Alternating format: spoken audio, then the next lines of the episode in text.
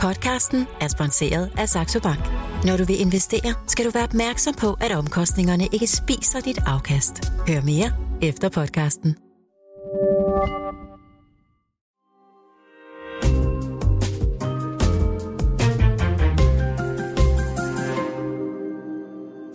Millionærklubben fra Jørgen med Bodil Johanne Gansel.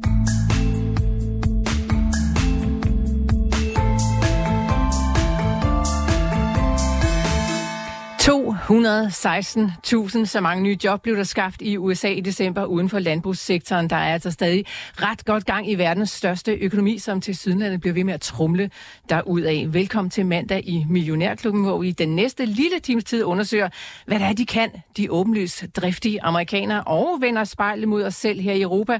Hvorfor halter vi igen, igen bagefter, når det gælder innovation, økonomisk vækst og fremdrift? Ja, alt det og meget mere, det spørger altså dagens panel om. Lars Svendsen, porteføljeforvalter og uh, chefanalytiker hos Svendsen og Tudborg. Ja, velkommen til dig. Og uh, special guest, økonom, administrerende direktør og medstifter af Pluto Markets, Joachim Brygman, godmorgen og velkommen til dig også. Godmorgen, Bodil. Pluto Markets, uh, Joachim, hvad er det for noget, hvis vi lige skal lære dig lidt bedre at kende? Jamen, det er det, vi kalder en next-gen investeringsapp til de nordiske retail-investorer. Uh, vi har observeret, at der er en masse øh, disruptive bølger i udlandet, hvor man ligesom har fået en ny generation af produkter, og i Norden, der mener vi, vi er underserved, specielt hvis man kigger på det lidt yngre segment. Så er det sådan en slags øh, Robin Hood pangdang, altså den her sådan, øh, app, som man kan handle på i USA, som vi var lidt kritiske overfor på et tidspunkt, fordi de hele tiden øh, gamificerede det her med at investere? Det er det til dels. Mm. Uh, Robinhood har gjort nogle ting rigtig godt, og nogle ting rigtig dårligt, og vi prøver selvfølgelig at tage de gode ting med, uh, og ikke gøre alle de dårlige ting. Men hvad skal verden med endnu en handelsplatform Jamen, de skal have en mere brugervenlig adgang til de finansielle markeder, hvor de også skal handle delmængder af aktier til lavere quotation, kort sagt. Mm. Og du har selv arbejdet mange år i finansbranchen, Joachim, så du ved præcis, hvad det er, du handler om. Du har været råvarehandler i øh, London i Goldman Sachs, men der står altså også Boston Consulting Group og Danske Bank på dit øh, CV, så du kender den her verden rigtig godt. Nå, Lars Svendsen, lad os starte ja. med at øh, kigge derud på verden og på markedet omkring os. Ja, vi er oppe med cirka en kvart procent i dag, og øh, den store nyhed herhjemme er jo, at Pandora har sluppet nogle tal fri for fjerde kvartal, og det er jo gået rigtig godt. Det har en like for like, altså hvor mange er salget i de, øh, i, de, i de samme butikker. Om så Sammenlignelige butikker? Ja, ja. Øh, og det er op med 8 procent, og totalt set er det, er det, var det ikke 12 procent endnu at blive til, men hvad hedder det, hvis man ser på hele årets resultat, så er det jo kun lidt højere end sidste år, så altså så fantastisk godt. Øh, det var kvartalet, vi taler om her, ikke? Så altså, der har været et fint øh, julesalgskvartal. Mm. Mm. Men øh, hvad hedder det, for totalt for året er indtjeningen altså på driften, det er ikke det hele og fulde regnskab endnu, øh, kun lidt højere, så det er, det er ikke noget super duper, men det er øh, rigtig godt, og det øh, holder jo så niveauet, den stiger øh, sådan knap 3% til 9,73. Øh, og det var altså kurs. første gang, at de kunne levere et øh, kvartalsresultat, øh, der var over 10 milliarder danske kroner, læser herr Svendsen. Øh, altså, kan man tillade sig at lægge noget ind i sådan en enkelt, en enkelt nyhed, han har sagt, eller skal vi se nogle flere datapunkter, før vi begynder sådan for ja, alvor? Nej, det var, det, var, det, var, det var salget, var ikke? Ja, undskyld. Det var salget, øh, ikke indtjeningen. Den var 3,7, men det er jo også, øh, altså, hvad hedder det, i, i sig selv er kvartalet øh, rigtig godt. Det er det, der er det sådan, dagens øh, nyhedsimpuls er jo egentlig, det er jo også kvartal, men altså, at øh, hvis det her, kan, tør man tage kvartalet og lægge en lineal på, ikke? Det er mm. det, det handler om nu. Fordi altså for hele året har de, er de kommet ud med 7,0 milliarder på driften i stedet for 6,7, så det er 5 procent op. Det er jo ikke så meget. Og de, de 500 er sådan set kommet her i, i fjerde kvartal, så det er sådan set mere end, end en, en fremgang, ikke? Så, så det handler om det, og så tør du tage øh, en... Og det, det, det Vil du tage det? Nej, fordi det er ingen aktie, jeg interesserer mig for, så det må gå, hvor den vil. Øh, men det interesserer mig så til det, ikke? Den havde altså været meget god interesseret for i sidste år, Lars Ja, ja, ja, ja jeg var inde og rode med den, dengang den var nede i hullet på øh, omkring kurs 300, ikke? Mm. Så lå den og hoppede lidt frem og tilbage, og så, øh, da den så begyndte at falde, så sagde jeg, jeg vil ikke tage penge på Pandora. Så solgte jeg den, så ja, der skulle vi holde ud, ikke? Sådan er livet nogle gange. Ja. Så jeg ved, det er ikke noget, jeg beskæftiger mig jeg er særlig glad for, at tankskibene har haft en god dag over i... Nå, så fik og den har den også den i dag i, i Norge, fordi Frontline er jo noteret begge steder, mm-hmm. og han stiger, var det 4 procent dag. Så nej det, nej, det er ikke mig, men, øh, men det er der jo så mange andre, der er jo. Det er jo derfor, den ligger, og det var jo den... Øh, sådan set den bedste aktie sidste år. Ikke? Ja, Pandora. Øh, så det skal vi jo lige øh, ja. huske. Så det her, det konfirmerer jo vel, at, øh, at de, der har den, behøver jo ikke være bange. Altså, det sådan ser det ud, ikke? De lagde en ny vækststrategi tilbage i 2021, ja, og det er vel den, der for alvor begynder ja. at give kasse tilbage til investorerne, Lars Svendsen? Jo, jo, jo, men det er jo bare et meget specielt foretagende, ikke? Øhm, Hvorfor? Kan man sige. Jamen, det er det jo, fordi det er jo øh, noget, som ingen mennesker har brug for, ikke? Så derfor, og, og, og det er jo big time, øh, øh, hvad hedder det, øh, affordable luxury, de kalder det sig selv for, ikke? Så det er jo det, der er pointen med dem, om de kan holde den der kørende, øh, og, øh, og hvor det er hen er i øvrigt, er det... Øh, Europa er ikke så stor vækst, det er øh, Asien, eller øh, nye markeder, og så og det er jo så set godt, fordi det er jo der, der kan være noget vækst. Ikke? Og så er det også USA, god gammel USA, og USA er jo det sted, hvor, hvor Pandora har tjent sine penge, det skal man lige vide, hvis man ikke ved det i forvejen. Øh, men altså Europa er, er, er der sådan øh, pæn vækst, men ikke, ikke høj vækst. Men så er det ikke kriterier for gode ja. investeringer, Lars Svendsen, for dig, at det skal være ting, som mennesker har brug for? Jo, jo, men de har det jo heller ikke. Nej, men det er det, jeg siger. Er det et kriterie for dig, før ja, du vælger ja, ja. at investere? Jamen, er det, det er det jo, fordi det er jo der, at den dag, så nogen folk, de siger, Jamen, du investerer dig i alt muligt forskelligt. Jo, jo, men STG, jeg... uh, Scandinavian Tobacco Group, har du investeret Nej, jeg har i? ikke, øh, du har da været der. Jeg har været der, Ja. ja. det har, men, men jeg kører jo sådan hvis, hvis jeg kan se, at det er en aktie, som er skævt og skal blive løftet op i værdi. Ikke? Og det her, det er altså sådan noget, nej, altså noget med... Matas har du også været i? Ja, og det, var, øh, det slap jeg ud af. Uden at tage penge. Jeg tjente Okay, lidt, men ikke ret meget. Så ved jeg det. Nej, men sådan her, ja, det, der skal man altså lige uh, være lidt klar over, om man synes, at det er genialt. Og hvis det er det, så skal du bare være der, men det er ikke mig, du får til at holde dig i hånden der. Glimrende. Ja. Lars Svendsen, sådan uh, mere generelt set, ja. Ja. så var det også en, uh, en skidt weekend for Boeing. Deres Åh, ja. oh, 737, uh, 737 Max, der, altså, ja, de tabte sådan set en dør under flyvningen. Ja. Ja, så det kan vel godt uh, sætte sig lidt på den aktie i løbet af dagen, når vi åbner det det jeg amerikanske marked. øh, at det gør. Aktien er jo sådan, at kommer nogenlunde pænt øh, opad igen. Øh, det var en aktie, der har været igennem meget ondt. Øh, med, med, det var jo så, var det ikke 800, 737 800 modellen, der døjede jo med det her computer øh, problem med, at man brugte et computeroptimeringssystem til, at øh, den var blevet forlænget i kroppen, så det var nogle flere passagerer. Øh, Men det havde de jo ligesom fået om sider fået løst, øh, så de kunne komme op igen og få lov at blive leveret. Men det er jo et problem med den virksomhed, øh, at der er jo to, kun to reelt nu om dagen øh, store flyleverandører, det er Boeing og Airbus, og, øh, og altså en 737 fløj hvis nok første gang i 1963. Øh, så, og, Jumboen, som nu er taget ud af drift, fløj i 1967. Øh, men, men, øh, eller ikke ud af drift, men altså, de bliver ikke lavet mere nu. Men balladen er, at det er jo den samme fly, man har øh, gjort bedre og lavet om og alt muligt andet. Det er derfor, man er nået til, øh, til det, de kalder for, øh, nu er det som øh, 800 og 900 modellerne.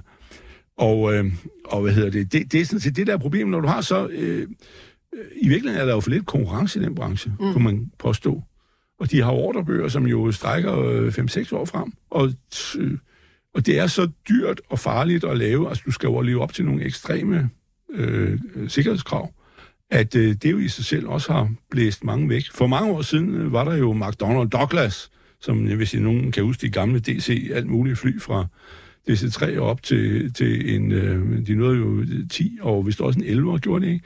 Men, øh, men de blev jo kø, øh, fusioneret ind i øh, Boeing, og, og det var måske i virkeligheden en stor ulykke, at, øh, at de gjorde det, fordi så forsvandt en, en væsentlig konkurrent til dem, og så til gengæld voksede Airbus så stor. Mm. Og de har jo så også måttet trække snuden lidt til, så de laver jo ikke længere øh, den store 380. Øh, og og det, det er altså lidt et problem, når der bliver for få Så i en branche. Ja. Øh, Vil det være en øh, god historie for Airbus, det her med, at Boeing de ikke øh, kan holde på flydørene? Ja, Eller ja, er det det en dårlig altid, historie, fordi man bliver ja. bekymret for hele den her flybranche? Nej, tror jeg ikke, du skal være, men, men øh, der var jo heller ikke nogen, der, der, der, der døde af Nej, det, vel? Skal vi lige huske. Men, men, øh, men altså, øh, det er jo en, en, i den forstand en god øh, historie, for at naboen har den eneste rigtige konkurrent har, har problemer, ikke? Men der kommer jo også sandsynligvis nogle nye ved, at kineserne er jo prøver lidt om bakser rundt med det. Japanerne har prøvet i, i lange tider, at blande Honda, men det er jo ikke rigtig blevet til noget som helst. Øh, øh så det er jo inden for militær fly, at der er reel konkurrence, og hvor øh, mange lande jo bruger det til deres eget, altså har begrænset eksportadgang og bruger det, køber dem selv, hvem det end er i Sverige, Saab, og så videre, Frankrig, Mirage, øh, at, øh, at, at, det, det er lidt der, at det er så, man, man må formode, som tiden vil gå, at der så bliver øh, fornyet konkurrence inden for, i flybranchen, fordi de får ikke lov at sidde på, på det der marked. Mm. Og det er jo, som jeg prøver på at forklare, jo øh, altså gamle, modne produkter. Det svarer jo lidt ligesom til en folkevogn, altså øh, den øh, med krumrykket der, ikke, som bare ved med at lave, den lidt større. Og, så fik en ny Okay. motor og sådan noget. Men det er ligesom, at du, du, du bliver ved med det samme. Ja. Øh, og, og, det, og 737 er et glimrende fly, og det er jo det, der gør det lidt ondt, for det er det, mest, det, er det der er flest deroppe i luften, det er jo dem. Ja. Så det er jo lidt, øh, nu er det jo så heldigvis kun nieren, der gav med. Ja, øh, okay. Det kan ja, godt være, at folk de holder op med at vælge de der steder Ja, lige ved så siden af døren der, du fremover. skal, øh, Nå. du, du, du, skal være som aktionær. Ellers så er det altså en uge, der byder på øh, inflationstal, som investorerne helt sikkert vil holde øje med. Der er også en øh, healthcare conference fra JP Morgan, som starter i dag og varer lige til den 11. i første. Og så er det altså også i den her uge, at de amerikanske børsmyndigheder de skal beslutte, om de vil tillade en bitcoin-ETF baseret på en... Øh, jeg vil lige vil sige fysisk underliggende holdning. Jeg ved ikke, om man kan kalde bitcoin for fysisk, men der skal altså ligesom være bitcoin liggende bag ved øh, den her ETF. Det får vi altså vide den 10. i første, så der sker altså bestemt også lidt i den her uge i Finans.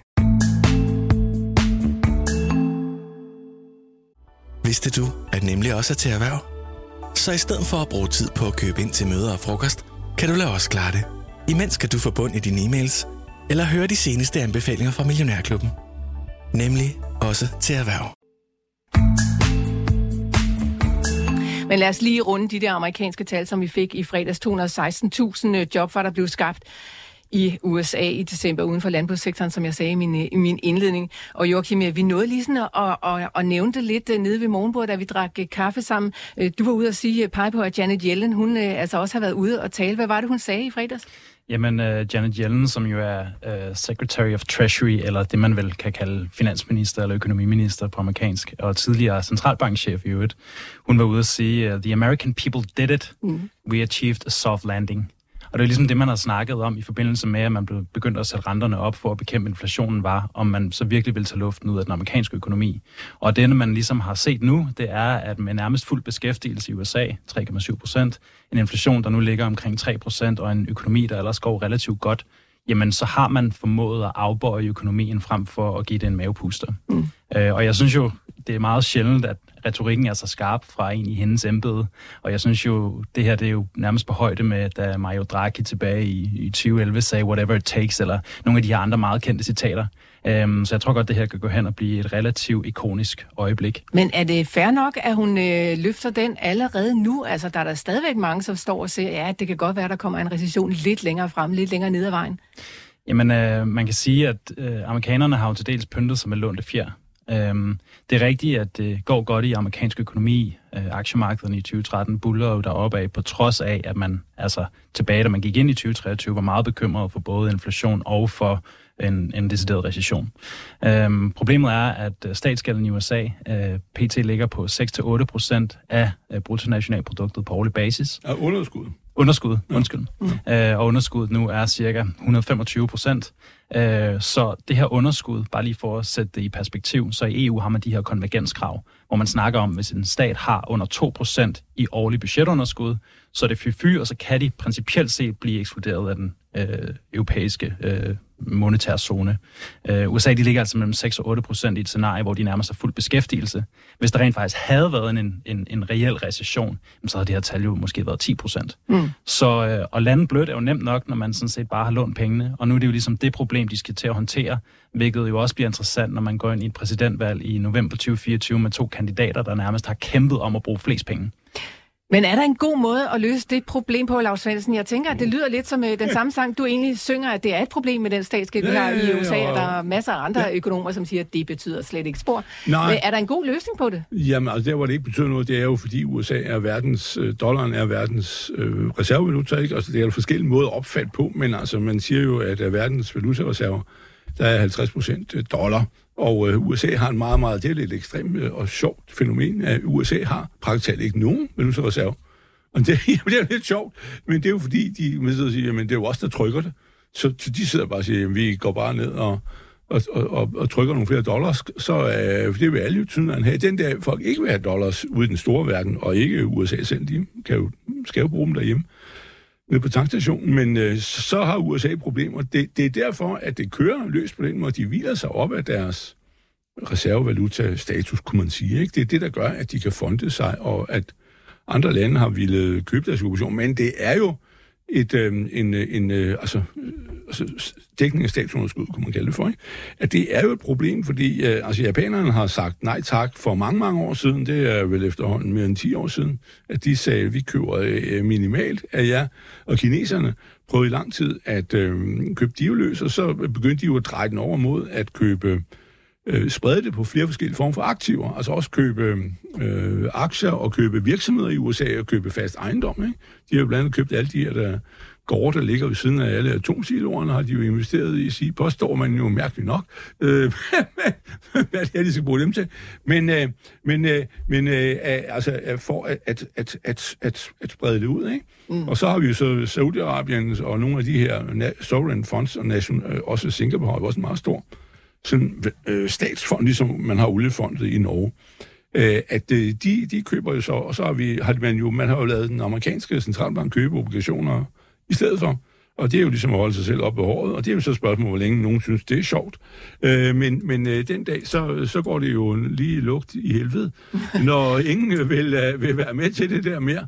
Og det, og det er sådan set, det, det er lidt det, der er øh, fænomenet, at de har kunnet, i modsætning til Europa, øh, sådan set sige, at vi udnytter vores vores trumfkort, det er reservevaluta-stillingen, og, det, øh, og øh, når verden går dårligt, som alt det med Rusland og sådan noget, så er det jo, tenderer det jo altid til at styrke dollaren, og dermed at de får en, et forlænget spilletid med, men altså på lang sigt, altså om, om det kan godt være, det, om det tager 10 år, øh, øh, om, det tager jo nok i hvert fald 3 år, men altså 10 år eller 20 år, det ved jeg ikke, men altså det tager ikke 50 år okay. at få dollaren til at blive en meget almindelig ting. Du kan jo tage pundet. Pundet var jo øh, reservevaluta øh, øh i langt hen ad vejen øh, til efter 2. verdenskrig, hvor England ruinerede jo sig selv for at redde os, kan man sige, hvis man tager den meget hårde udgave fra nazierne, ikke?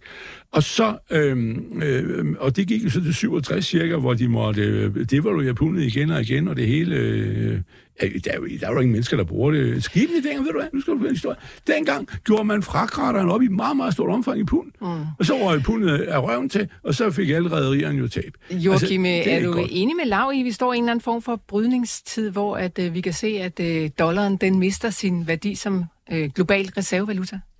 Jeg tror ikke, det kommer til at ske på den korte bane, men ultimativt så er det finansielle system jo bygget op omkring tillid. Og hvis investorerne, der absorberer den her statsgæld via obligationsopkøb, ikke længere tror på, at øh, dollaren fremadrettet vil være reservevalutaen, så har man et problem. Og som jeg ser det, der kan det komme fra to forskellige kilder, hvis det her det skulle ske. Det ene scenarie er, at gældsniveauet bliver så kritisk, at man for alvor begynder at snakke om en amerikansk statsdefault. Øhm, der var på et tidspunkt snak om den her trillion dollar coin, som jo er en abstraktion af reelt at defaulte på sin gæld øh, ved at trykke helt masse dollar. Øhm, og det andet scenarie, det er simpelthen for meget tumult i amerikansk politik. Øhm, for eksempel, da man så stormløbet på kongressen, er det da noget, der får øh, obligationsinvestorer til at tænke om, der kan komme en borgerkrig i USA. Og hvis nogle af de ting kommer til at ske, så er der ikke nogen, der vil absorbere amerikansk statsgæld, og så har man altså et seriøst problem. Wow. Nå, men den bold, den sparker vi altså stadigvæk længere ned af gaden, og der skal jo bare mere til at slå amerikansk vækst ihjel end øh, høje renter i hvert fald. Men hvad det er, de kan det over, ja, det skal vi snakke øh, om nu. Spørgsmålet er måske snarere, hvad det er, vi ikke kan i vores del af verden. Joachim Brygman, du befinder dig jo selv i øh, sådan en fintech-verden med Pluto Markets, og I er jo også blevet lukket ind i varmen hos Y Combinator, som er sådan et øh, globalt anerkendt øh, startup fødselshjælper, kan man vel godt tillade sig at kalde den. De har bidraget til et hav af succesrige til tech-selskaber som øh, for eksempel Airbnb, Instacart, DoorDash og, og Coinbase. Og de kan til sydenlandet noget derovre i USA, Joachim, for når man ser på, hvor succesrige tech-selskaber vi har her i øh, Europa er, så blegner det en lille bitte smule. Hvorfor er vi så meget dårligere til innovation her i vores del af verden? Jeg siger ikke, jeg har svaret, men øh, jeg, har, jeg har gjort nogle observationer. Men lad mig lige tage et skridt tilbage til en start, fordi øh, en observation, som jeg synes er relevant, og jeg har sådan en lille vane med, at hver gang jeg går ind i et nyt år, så prøver jeg at flyve lidt op i helikopteren og lave sådan nogle rigtig store øh, eksistentialistiske tanker. Øh, og en af de ting, jeg har tænkt rigtig meget over her i forbindelse med årsskiftet, er, hvordan vi i EU hævner i Danmark er fænomenalt dårlige til at bygge det, jeg kalder tech-mastodonter. Øhm, kigger man på den amerikanske økonomi, jamen så har den siden 90'erne mere eller mindre været drevet af de her tech-virksomheder. De seks mest værdifulde amerikanske selskaber i dag er Apple, Microsoft, Alphabet, Amazon og Nvidia. Det er altså virksomheder, der alle sammen er stiftet efter 1975. De fleste af dem er stiftet efter 1990, og i dag der er det globale virksomheder, der klarer det sindssygt godt. Øhm, kigger man i EU, som jo faktisk har en større befolkning, så er Novo Nordisk det mest værdifulde selskab, stiftet i 1923. Øhm, og det er en syvende del, cirka syvende del af den værdi, som Apple har. Det vil ikke engang være på den amerikanske top 10. Øh, det samme gælder i Danmark. De virksomheder, vi har, der er store og som driver den danske økonomi i dag, Novo, Mærsk, DSV, Danske Bank, Koloplast, jamen de er jo alle sammen minimum 50 år gamle. Så vi har været gode til at innovere tilbage fra, lad os kalde det 1923 frem til 1975, men vi har ikke i løbet af de sidste 50-60 år formået at skabe en eneste stor virksomhed, som altså virkelig kan være med til at drive væksten, både i Danmark og i EU. Mm. Øhm, og det er jo et oplæg til diskussion, men, men lad mig prøve at komme til nogle, nogle, nogle konkrete observationer fra, fra mit job som, som iværksætter. Når man snakker med amerikanske investorer, så øh, har de en helt anden risikovillighed på de tidlige stadier. Øhm, de ser et meget større potentiale, og øhm, det betyder simpelthen, at det er meget, meget nemmere for en virksomhed som vores øh, at tiltrække amerikansk kapital, end det har været at tiltrække europæisk kapital. Øhm, en anden ting, som selvfølgelig også er korreleret hertil, er, at hvis man kigger på amerikansk økonomi, så har du et meget mere homogent indre marked. Altså hvis du får en teknologi, der bryder igennem i Ohio, så skal den nok også slå igennem i New York, fordi der er hverken store kulturelle eller sproglige barriere. Øhm, og den tredje ting, som egentlig jeg synes er det, der er mest interessant at diskutere, og er lidt mindre trivielt, er, at hvis man kigger på alle de teknologier, som har skabt den her værdi siden 1990, så har det været internettet, det har været blockchain til dels, det har været AI, det har været de her banebrydende teknologier, quantum computing begynder folk for alvor at snakke om nu. Og det eneste sted, hvor EU har været markedsleder, har været på regulering. Vi var de første, der kom med en Data Act, GDPR i 2018. Vi tog allerede initiativ til en AI Act i 2021, før vi overhovedet havde en AI-industri, som jo først for alvor slog igennem sidste år. Så i EU, der kigger man på ny teknologi og siger, at det er farligt, hvordan kan vi regulere det? Og i USA, der tænker man, det her er en spændende øh, teknologi, hvordan kan vi bruge den aktivt til at skabe virksomheder og til forhåbentlig at gøre menneskers liv bedre. Mm. Men Joachim, øh, det kan godt være, at de selskaber, vi har, der er store i øh, Danmark og i vores øh, del af verden, de er sådan 50 år gamle, og der ikke er blevet skabt noget andet. Men på en eller anden måde, så viser det vel, at de er langtidsholdbare, og der virkelig er god, solid, sund værdi i de her selskaber. Er det ikke bedre? Jo, og jeg tror også, der er rigtig mange ting, vi er gode til, specielt i Danmark, hvor jeg synes, vi har en meget god øh, måde at drive store virksomheder på. Vi har et fladt hierarki, det siger alle, de har, men jeg har arbejdet i udlandet, og det er fladt i Danmark versus både i USA og London. Øhm, så jeg tror egentlig, vi er rigtig gode til at drifte selskaber og ligesom drive en maskine videre. Men innovationshøjden er bare ikke særlig stor. Og en af de ting, der er lidt sjovt, når man virkelig dvæler ved de her tal og kigger på, hvordan de her virksomheder er skabt helt tilbage fra de tidlige dage i USA, jamen så er det jo tre-fire universiteter, hvor alle dem, der har skabt de virksomheder, jeg nævnte før, har gået på. Altså Steve Jobs og Bill Gates, de kendte jo hinanden, og de var ærkerivaler, og de øh, opererede øh, både på, på, eller primært på, på vestkysten, begge to. Ikke? Mm. Øhm, Stanford, Princeton, øh, Harvard er jo de tre skoler, hvor nærmest alle de her founders har gået. Så der er nogle af de her kloster, som er så ufattelig kraftfulde, så de bare spytter innovative virksomheder ud. Mm. Så vi er altså langt bagud, lyder det til her i uh, Europa. Jeg tænker måske, at det i virkeligheden også kunne være meget godt, at vi regulerer så hårdt, som vi gør i vores del af verden. Det er jo ikke alt det, der kommer ud, som er specielt sundt for mennesker. Nej, nej, ja, der er helt sikkert et samfundsmæssigt trade-off. Øhm, kigger man på Meta og deres øh, dataskandaler omkring Cambridge Analytics, øh, hvor de, eller Cambridge Analytica, tror jeg det hedder, hvor de solgte øh, brugeres data, så det er jo selvfølgelig ikke noget, der er ønskværdigt. Øhm, så der er nogle politikere, der skal sidde og lave trade-off, hvorvidt man vil have væksten, eller man vil have forbrugerbeskyttelsen, hvilket det jo øh, til syvende og sidst er. Og i EU, der prioriterer man jo bare en brugerbeskyttelse meget højt, og i USA, der prioriterer man innovationen højt. Mm. Øh, men men det er, der er ingen tvivl om, at hvis, man, hvis vi ikke havde Novo i Danmark, øh, de har sikkert haft mange nærdødsoplevelser, det tror jeg, alle virksomheder, der bliver så store, har haft, så havde det danske samfund set helt anderledes ud. Øh, så hvis vi skal øh, mindske afhængigheden af de her store, meget gamle virksomheder, vi har, så skal vi altså have fingrene ud og i gang med at skabe noget innovation. Ja, ja, hvis man vil have den slags samfund, altså på en eller anden måde, så ender det jo også med at blive lidt en uh, politisk diskussion, det her, hvad er det for et samfund, man gerne vil have? Joachim, det lyder som, du hellere vil have et amerikansk samfund i vores del af verden. Man kan sige, at jeg er jo biased fra min stol. Mm. Jeg er selv iværksætter, jeg synes, innovation er spændende, og jeg tror virkelig på, at teknologi er med til at gøre, øh, at mennesker både bliver øh, gladere og lever længere og alle de her ting. Så, øh, så der er ingen tvivl om, at jeg har en bias. Jeg tror ikke, vi skal have et, øh, et, et amerikansk samfund. Det, det ønsker jeg sådan set ikke. Men jeg synes, vi har en problemstilling, som politikerne skal tage, tage, skal tage seriøst. Og jeg synes ofte, man fra politikernes side er rigtig god til at lave regler og dårlig til at fjerne regler. Og når man så sidder i en reguleret virksomhed, som, som jeg jo gør, jamen så er det jo bare fuldstændig umuligt at finde rundt i. Mm. Og så var du inde på de kulturelle og sproglige barriere. Det synes jeg lige præcis er noget af det, der er fantastisk fedt ved Europa kontra USA. Vi er forskellige. Vi ser livet på forskellige måder. Vi taler forskelligt, og vi lever på forskellige måder. Øhm, er det ikke positivt? For hvad? Øhm, altså, det er, jo ikke, det er jo ikke positivt. For mangfoldigheden? Jo, det er, jo, det er positivt for mangfoldigheden. Øhm, men, det, men, det, men det er bad for business. Øhm, altså, øh, USA er jo et land, og selvom de egentlig også er en federation, så er det jo mere et land, hvor i Europa er vi jo en federation og mange lande.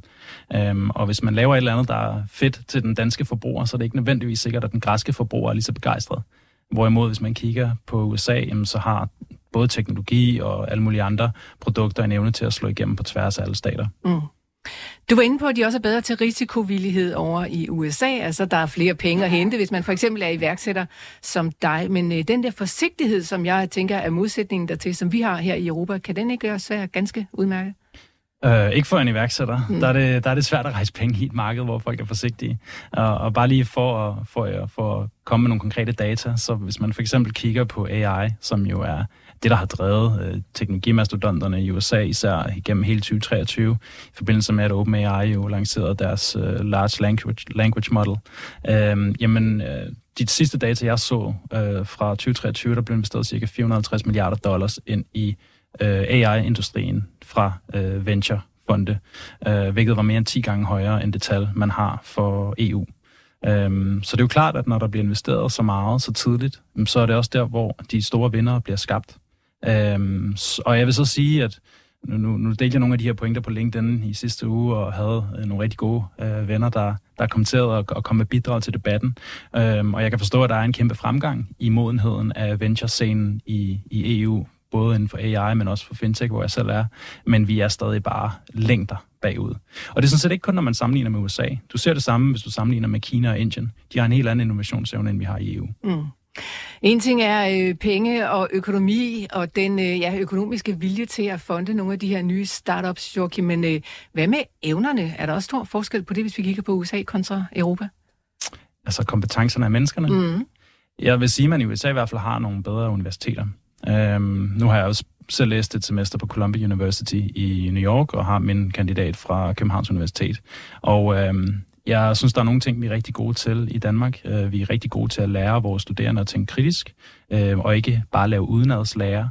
Øh, men man kører altså med et noget higher pace øh, i, i USA, øh, hvor at man som studerende ikke kan have et deltidsjob på siden, hvis du vil have gode karakterer, for du bliver savet midt over. Mm. Øh, jeg havde selv deltidsjob ved siden af mit studie på Københavns Universitet hele vejen igennem og fik stadig topkarakterer. Du er stadigvæk helt. ja, det er jeg. Så, så der er ingen tvivl om, at i USA, der har du to ting. Du har en meget, meget hårdere øh, studiekultur for dem, der gerne vil klare det godt, øh, plus du har en meget, meget tættere kobling fra øh, hvad kan man sige, akademikermiljøet ind i iværksættermiljøet, hvor man har en, en har haft en rigtig dårlig evne, specielt i, i EU, til at tage en fed teknologi, der er en eller anden PhD, der har opfundet en dims, der kan redde et eller andet, og så rent faktisk kommercialisere det. Og der har man i USA virkelig knækket nøden, også fordi man har adgang til den kapital fra et meget tidligt stadie. Mm.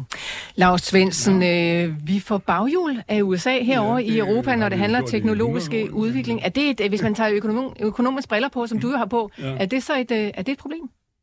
Mm, jo ikke, nej, ja, det er det ikke. Det er det ikke, men, men det, man må være klar over, at der er en forskel, og USA's dynamik har jo været øh, stor lige fra, fra de sådan to industrialiserede de tunge ting i, i slutningen af 1800-årene, ikke? og løb fra Europa, øh, men, øh, men det var sådan en almindelig ting, ikke? Og, og så fik de bilindustrien. Til gengæld er de jo ikke gode til at holde ting i live. Altså USA har jo reelt ikke nogen bilindustri mere, de har Tesla, som er en nyopfindelse, ikke? Men altså reelt er deres bilindustri jo øh, bost. Og, øh, øh, og, og de har de her tre-fire industrier, der kan noget, ikke? Vi havde talt om fly før, der så lige øjeblik problemer, ikke? Så har du underholdning, så har du øh, elektronik og IT, øh, og så har du våben. Det er jo sådan nogenlunde, hvad de har, men alt det andet har de ikke. Og der kører de ekstremt dårligt, og der er det jo, at europæiske virksomheder har købt meget i USA, fordi vi har mere sådan... Øh, Altså den, den basale industri, øh, kulturbølge, som jo var fra, fra 1870 og til, øh, til, til 2. verdenskrig, ikke? Øh, stort set, øh, altså basisindustrier, øh, BASF og sådan nogle, øh, det er det jo Europa, der har, har dem stadigvæk. Vi har også bilindustrien endnu. Øh, men, men, øh, men, men, men øh, på den måde er der en forskel, og så er det det ved det også med USA. At, altså, det, skal, det, det er noget, jeg prædiker, nogen gider høre på mig, det er jo, at USA er en sælgerkultur. Det er det. Altså, man siger mange til om amerikanere, de er sælgere.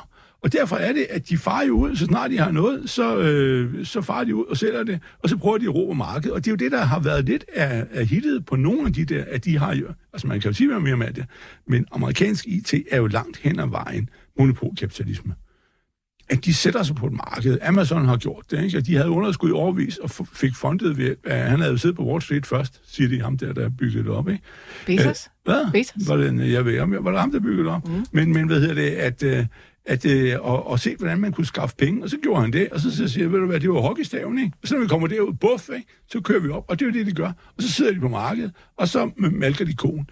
Og, og det, det er jo ligesom den måde, øh, at, at de har gjort det på, og, og der er det jo USA, hvis man vil sige en ting om industristøtte, om så, så er det jo, at USA ikke håndhæver monopollovgivning. De, de lukker øjnene og siger, at hvis vi skal komme efter det igen, det er jo et, øh, en renaissance øh, på industrien. Nu har vi fået øh, et, et løft her.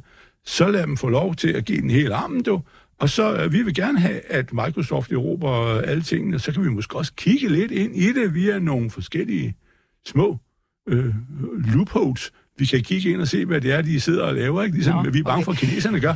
Men, men det gør de da. Øh, det kan du være helt forvisset om. Men, men CIA bor ved siden af, af Microsoft over i, i, derovre på Vestkysten. Men, men pointen er, at det har amerikanerne jo gjort. Og mm. derfor er det jo også på, på, på lang sigt, når USA engang får et generationsskifte politisk, så vil de monopoler formentlig blive opløst. De er jo værre end de monopoler, man havde med øh, i slutningen af, af industrialisering. Men Lav, hvis du siger, at vi har levet ja. lidt på den her industribølge og været rigtig gode til ja, det, det i Europa, Europa, hvis den ja. er ved at være slut på en eller anden måde, eller hvis der er noget ja. andet, der er ved at løbe hurtigere indenom, ja, altså ja, ja, ja. AI-bølgen for eksempel. Ja, ja.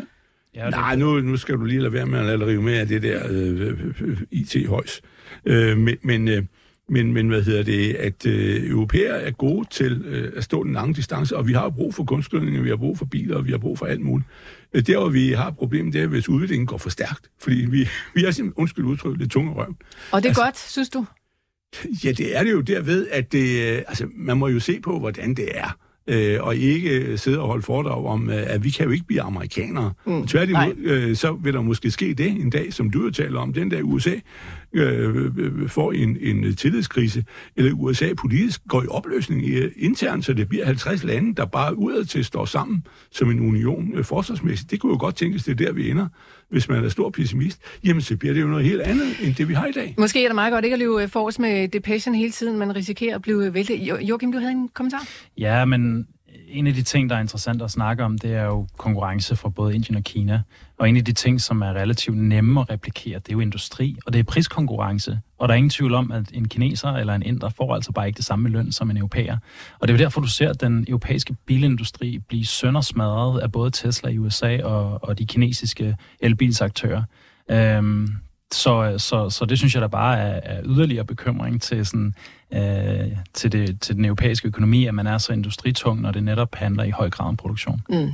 Og nu er det jo ikke, fordi du sådan er aktierådgiver eller investeringsrådgiver, Joachim, og det holder du dig selvfølgelig fra, men øh, det her handler jo om investering i vores program, så hvis nu man sætter det op på den måde, at USA er langt fremme, også med AI-bølgen i Europa, de halter efter Kina og Indien, de er måske også meget godt med. Altså, øh, betyder det, at man skal flytte rundt på sine investeringer sådan øh, regionalt, hvis man skal lytte til dig? Altså, jeg har lige siden jeg var herinde første gang for halvandet år siden efterhånden snakket meget varmt om, om amerikansk økonomi. Ikke kun på grund af deres innovationsevne, også fordi de bare rent demografisk har noget medvind, som vi ikke har i Europa. Altså, øh, Europa er jo Japan bare 20 år forsinket, når vi kigger på befolkningspyramiden mere eller mindre. I USA, der har man ikke den her øh, forventning om skrømtende befolkning. Øh, og det er så noget, der betyder noget for en, for en økonomi. Øh, så jeg synes rent strukturelt USA, øh, fra et økonomisk perspektiv, er, er mere interessant. Jeg vil dog sige, at rigtig meget værdistigningen kom i 2023. Øh, jeg synes egentlig, at teknologi er relativt færre priset lige nu, og jeg tror, at 2024 bliver sådan lidt et op- og ned år, hvor der måske ikke kommer til at ske det helt store, medmindre man ligesom vælger de aktier, der, der, der er lidt mere eksplosive. Og det er selvfølgelig også svært at sådan, øh, skære alle aktier over en kamp. Vi kan godt tale om aktieindeks øh, og se, hvordan de bevæger sig, men altså øh, her der benytter vi os altså også om, af stockpicking, og der kan man jo sagtens finde selskaber i Europa, som øh, gør det godt, og som gjorde det godt også øh, sidste år. Europa er ligesom Japan, siger Joachim Claus Svendsen. er du enig i det? to gamle. Jamen, det er vi jo lidt. Øh, nu er Japan øh, er jo øh, meget slemt. De vil jo falde fra 130 millioner indbyggere til, til 85 eller sådan noget, siger folk i løbet af næste 40 år. Ikke? Men øh, og Kina skal gå fra 1,3 til, til, til 800. Ikke? Det er jo sådan nogle af de der tal, og de er jo sådan ret, ret simple med at gøre, så det skal nok gå sådan. Men, men øh, vi, vi har det jo ikke, men altså skal jeg jo lige sige, så, så, vil, sige, så vil jeg jo lige være stå for, også for at drille dig lidt og sige, jamen, så må vi jo have noget mere indvandring, og det har vi jo også, for det er jo det, USA har. Øh, når det USA har, ikke? og det får Europa jo også. Øh, og vi har det jo sådan allerede, vi taler jo om i år, at det er 400.000 mennesker, der kommer ind i øh, EU-landene, ikke? Øh, regner vi med. Og det har vi jo faktisk brug for. Ja, det kan man diskutere, om vi har. Det, der er pointen, er jo nok, at vi i virkeligheden ikke har brug for det, øh, og, og politisk set er man ikke så interesseret i det, for især ikke sådan nogle gamle øh, folk som mig, øh, som mener ikke, at vi skal blive et nyt mellemøsten. Så synes vi jo, at der kommer for mange fremmede. Men, men, men, men pointen er jo, at, og nu kommer vi hen til din pointe, det er, at alt det der IT og så videre, det er jo få personers arbejde det er jo ikke som, øh, som øh, at, øh, at øh, mange mennesker vil jo gerne være Bill Gates eller hans øh, tre efterfølgere, hvor mange det var, og sådan noget. Men nej, det kommer jo ikke. Altså, det, det er det, der er pointen i det, at du har jo aldrig i verdenshistorien siden øh, de der industrimagnater, vi havde i slutningen af 1800-årene, Carnegie og hvad det hedder over i USA, haft folk, der blev så sindssygt rige, fordi der er scalability. Altså, hvis du opfinder et system, og det kan sælges alle vejen, jamen, så kører det jo vanvittigt afsted. Og derfor er det jo, du behøver virkelig ikke have ret mange kloge mennesker. Jamen, hvilken relevans har det for mig som investor, Lars Jamen, det har det jo. At du har ikke brug for mange mennesker, hvis du har, hvor det er i virkeligheden måske øh, 2% af hele landets befolkning, øh, og det er der med det dobbelte arbejdsstyrke, som laver den der Jamen, det synes jeg lyder sådan set meget ting. godt. Så, så skal vi ikke, for, der kommer millioner Så skal vi ikke betale lønninger til så mange mennesker. Det lyder nej, nej, som en god historie for aktien. brug for mennesker. Det mener jeg ikke, vi har. Fordi, ah, okay. Det var den vej rundt, jamen, det er den vej rundt, vi skal hen. At du har ikke brug for ret mange øh, men du har måske brug for det, du taler om, at talenterne får lov at udfolde sig. Så er spørgsmålet, hvad for nogle barriere skal der være? Og den barriere, vi har, det er jo 70 procent i skat, ikke? Det er ligesom sådan en barriere, som de fleste talenter godt kan finde ud af, at så er det ikke her i Danmark, de skal... Øh, hvis du har en god idé, så øh, jeg vil Nå, gerne give rejse væk. Lad os, lad os lige blive ved investeringerne, Lars Svendsen. Ja. Giver det nogen forskel, om øh, man skal investere i USA, hvor de er fremdriftige og gode til innovation, eller i Europa, hvor vi er lidt mere, som du siger, tunge røven? Ja, vi er tunge røven, ja. Ja, det var på prisen. Øh, det er en kort svar på det. Jeg, jeg mener, jeg er, er meget, øh, jeg er ikke nogen særlig lyst til at gå ind i USA, fordi jeg mener, det er en boble.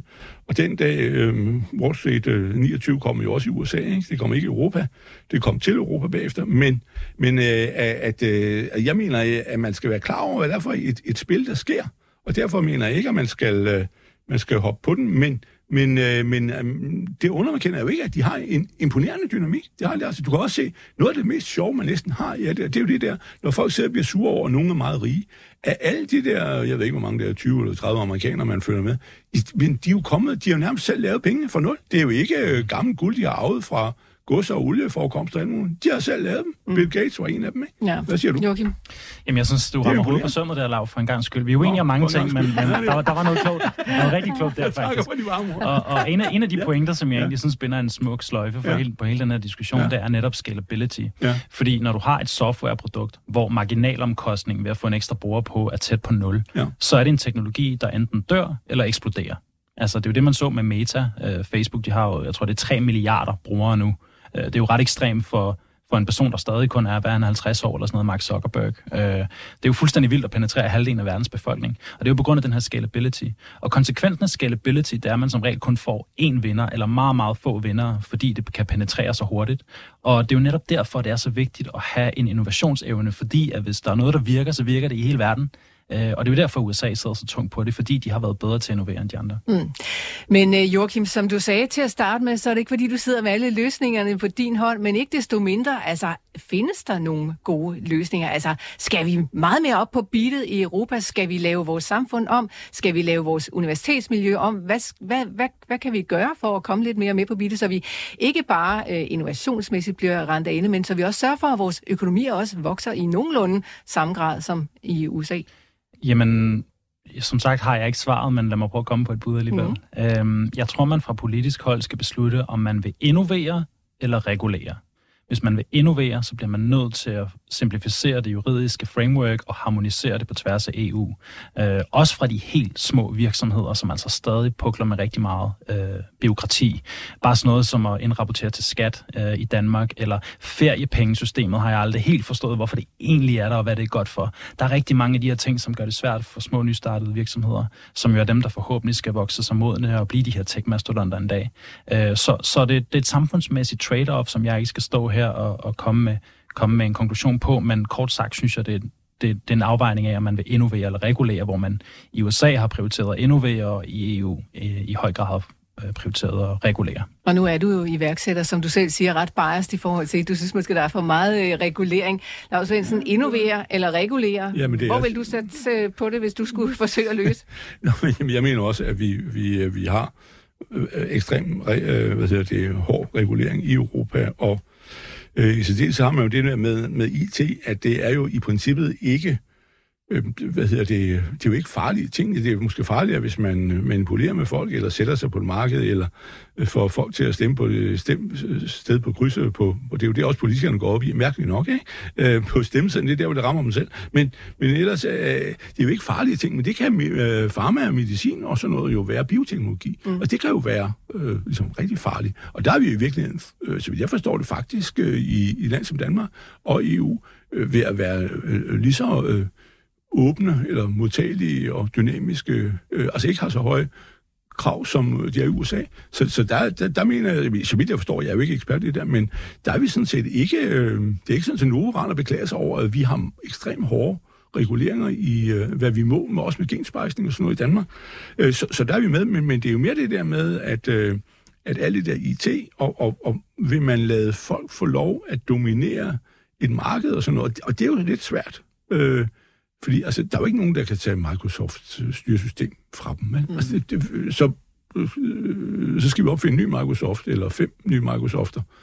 Øh, det, det, det kan man ligesom ikke. Det, det er tog er kørt, og, og øh, så kan det være, det æbber ud over nogle år, sådan noget, når, i fremtiden, det ved jeg ikke, men vi kommer nogle nye computer og sådan noget, men det, det er jo, hvad det er. Det kan du ikke lave om, men det kan du jo gøre over for sådan noget som Google og Meta og sådan noget, fordi det er jo basalt set, og det er også derfor, de, de er interessante som virksomheder, som, det er jo håndgranater. Altså, de kan jo forsvinde okay. fra, fra, nå men, hvad ville der ske, hvis, øh, hvis, hvis Google ikke var der? Ingenting. Der er masser af nye øh, andre... Bing. Google, Nå. ja, et eller andet, hvad det hedder. Joachim, du har en kommentar, kan jeg Ja, men øh, apropos hvad man kan gøre, så er det jo lidt sjovt den tilgang, de har valgt i Kina, hvor de bare har sagt, vi øh, har ikke øh, WhatsApp, eller vi har ikke Facebook. Nej, vi har WeChat, og hvad, hvad Facebook-ekvivalenten nu hedder. Så der har man jo bare valgt at sige, at amerikansk teknologi må ikke være her. Men mm. når der er noget, der virker i USA, så forbyder vi det, og så opfinder vi præcis det samme, og så har vi jo et indre marked på, hvad, 1,2 milliarder mennesker, eller hvor mange de er efterhånden.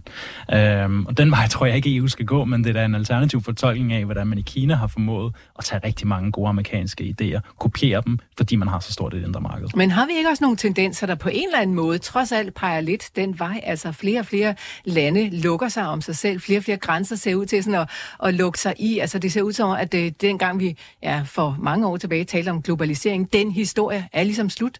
Altså, er det ikke den vej, vi er på vej? Jo, desværre, øh, vil jeg også sige, og det er jo i høj grad sikkerhedspolitisk. Øh, man har jo også lært, at IT, som Lav siger, ja, TikTok har man jo fundet af, at der var de her backdoors, hvor de reelt kunne lytte til din telefon. Og det er jo problematisk, når alle danske politikere havde TikTok i deres lomme med ind til, til, til udvalgsmøder og hvad det nu var. Og af den årsag mener jeg også, det er blevet forbudt på danske politikers arbejdstelefoner.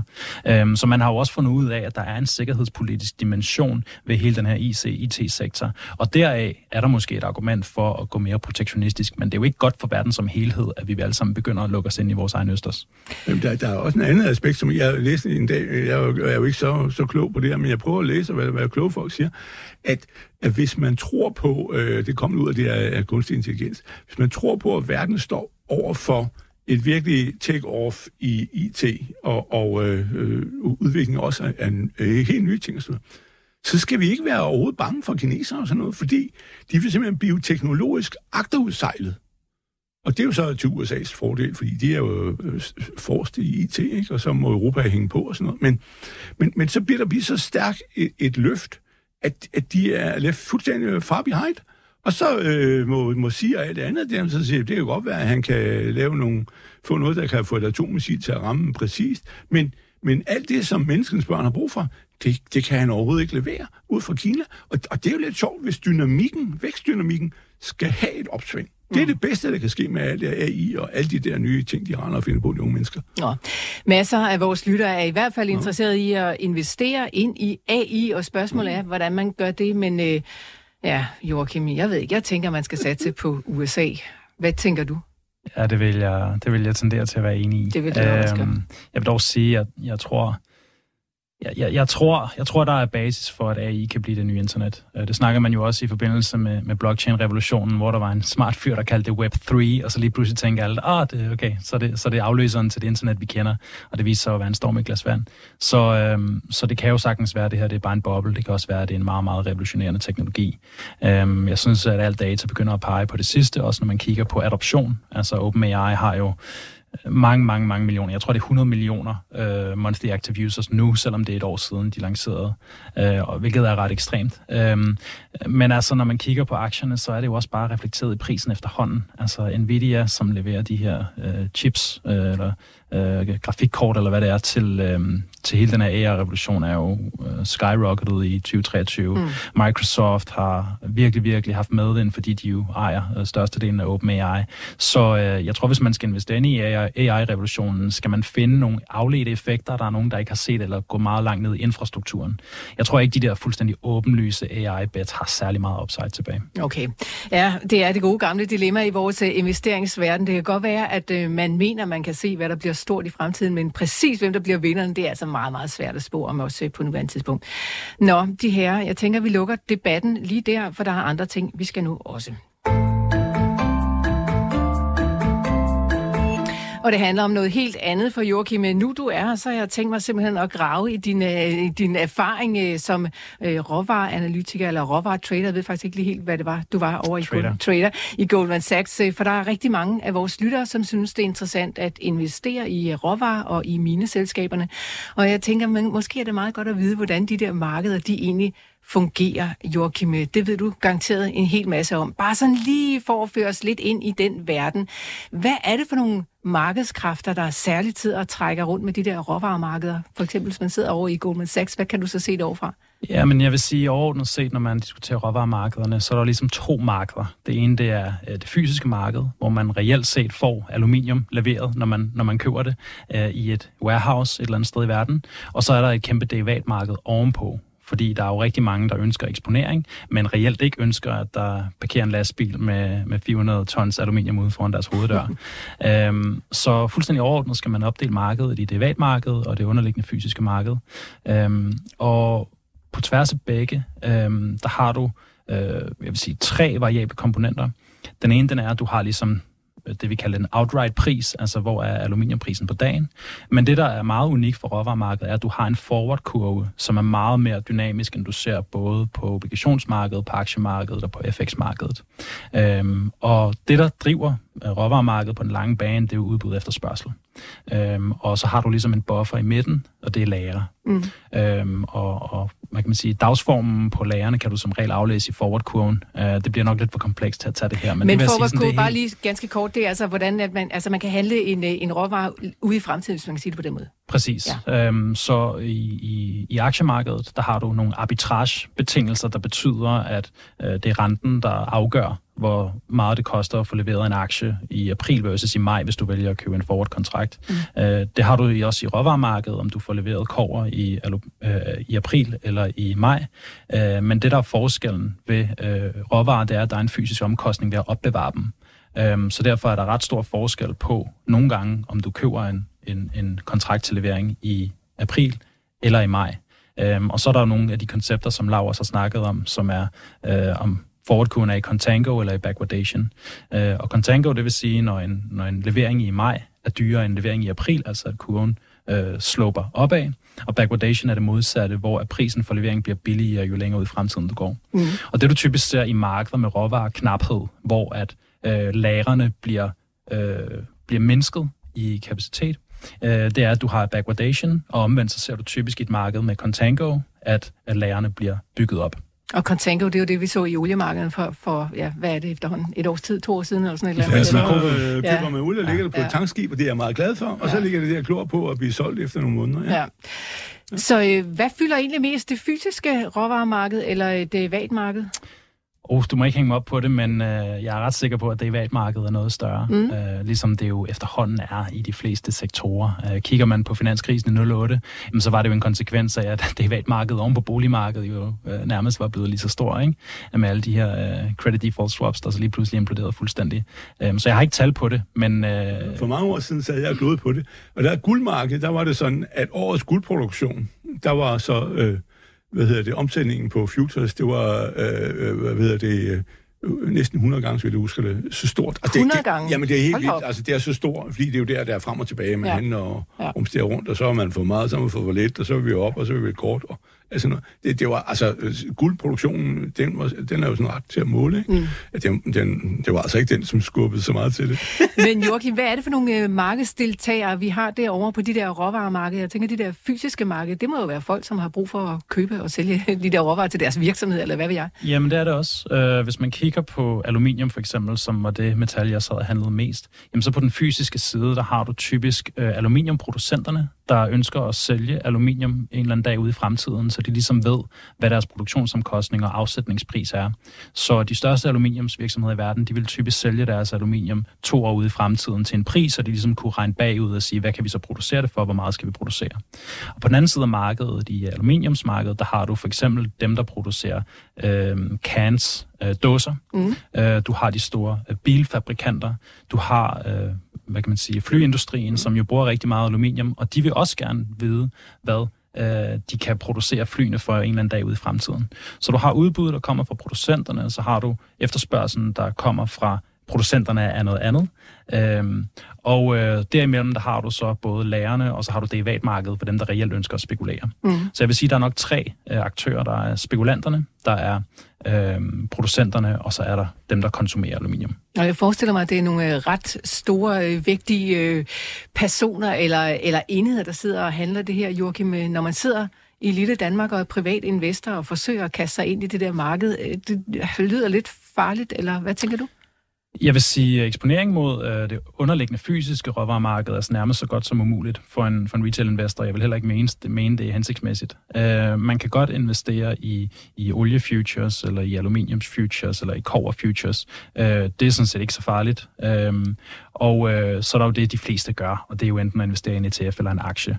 Øh, men det, man skal huske omkring aktier, det er jo, at de typisk allerede har priset øh, hvad kan man sige, fremtiden ind i større grad, end de underliggende råvaremarkeder har. Og derudover så får du altså som regel en masse eksponering mod én virksomhed, øh, hvor der kan ske alle mulige øh, Øh, virksomhedsspecifikke ting, der gør, at du egentlig kan have ret på, at ja, aluminiumprisen kommer til at stige, men din investering er altså faldet, fordi der har været et eller andet unik event, en, en brand eller tyveri eller dårlig management, hvad ved jeg. Mm.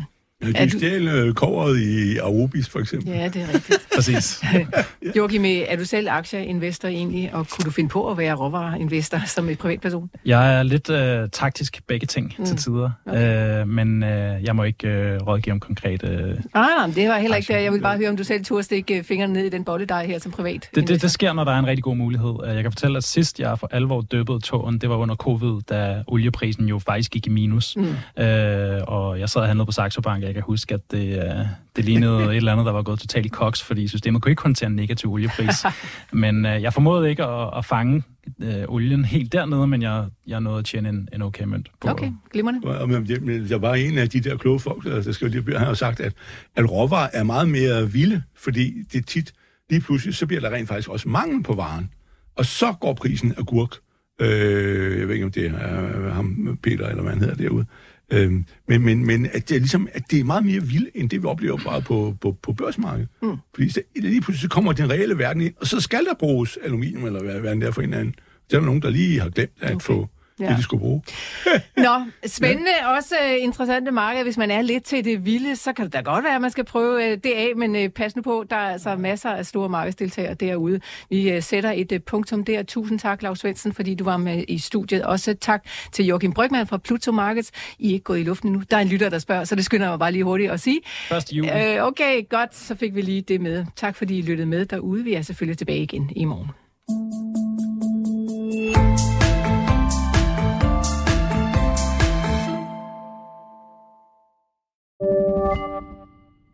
Podcasten er sponsoreret af Saxo Bank. Forbrugerrådet Tænk anbefaler en aktiesparekonto i Saxo Bank. Med en aktiesparekonto i Saxo kan du investere i dine yndlingsaktier, ETF'er og investeringsforeninger til en fordelagtig afkastskat på kun 17% Fra 2024 kan du indsætte helt op til 135.900 kroner. Det er gratis og tager kun få minutter at oprette en aktiesparekonto. Opret en gratis konto på saxobank.dk og find inspiration til din næste investering.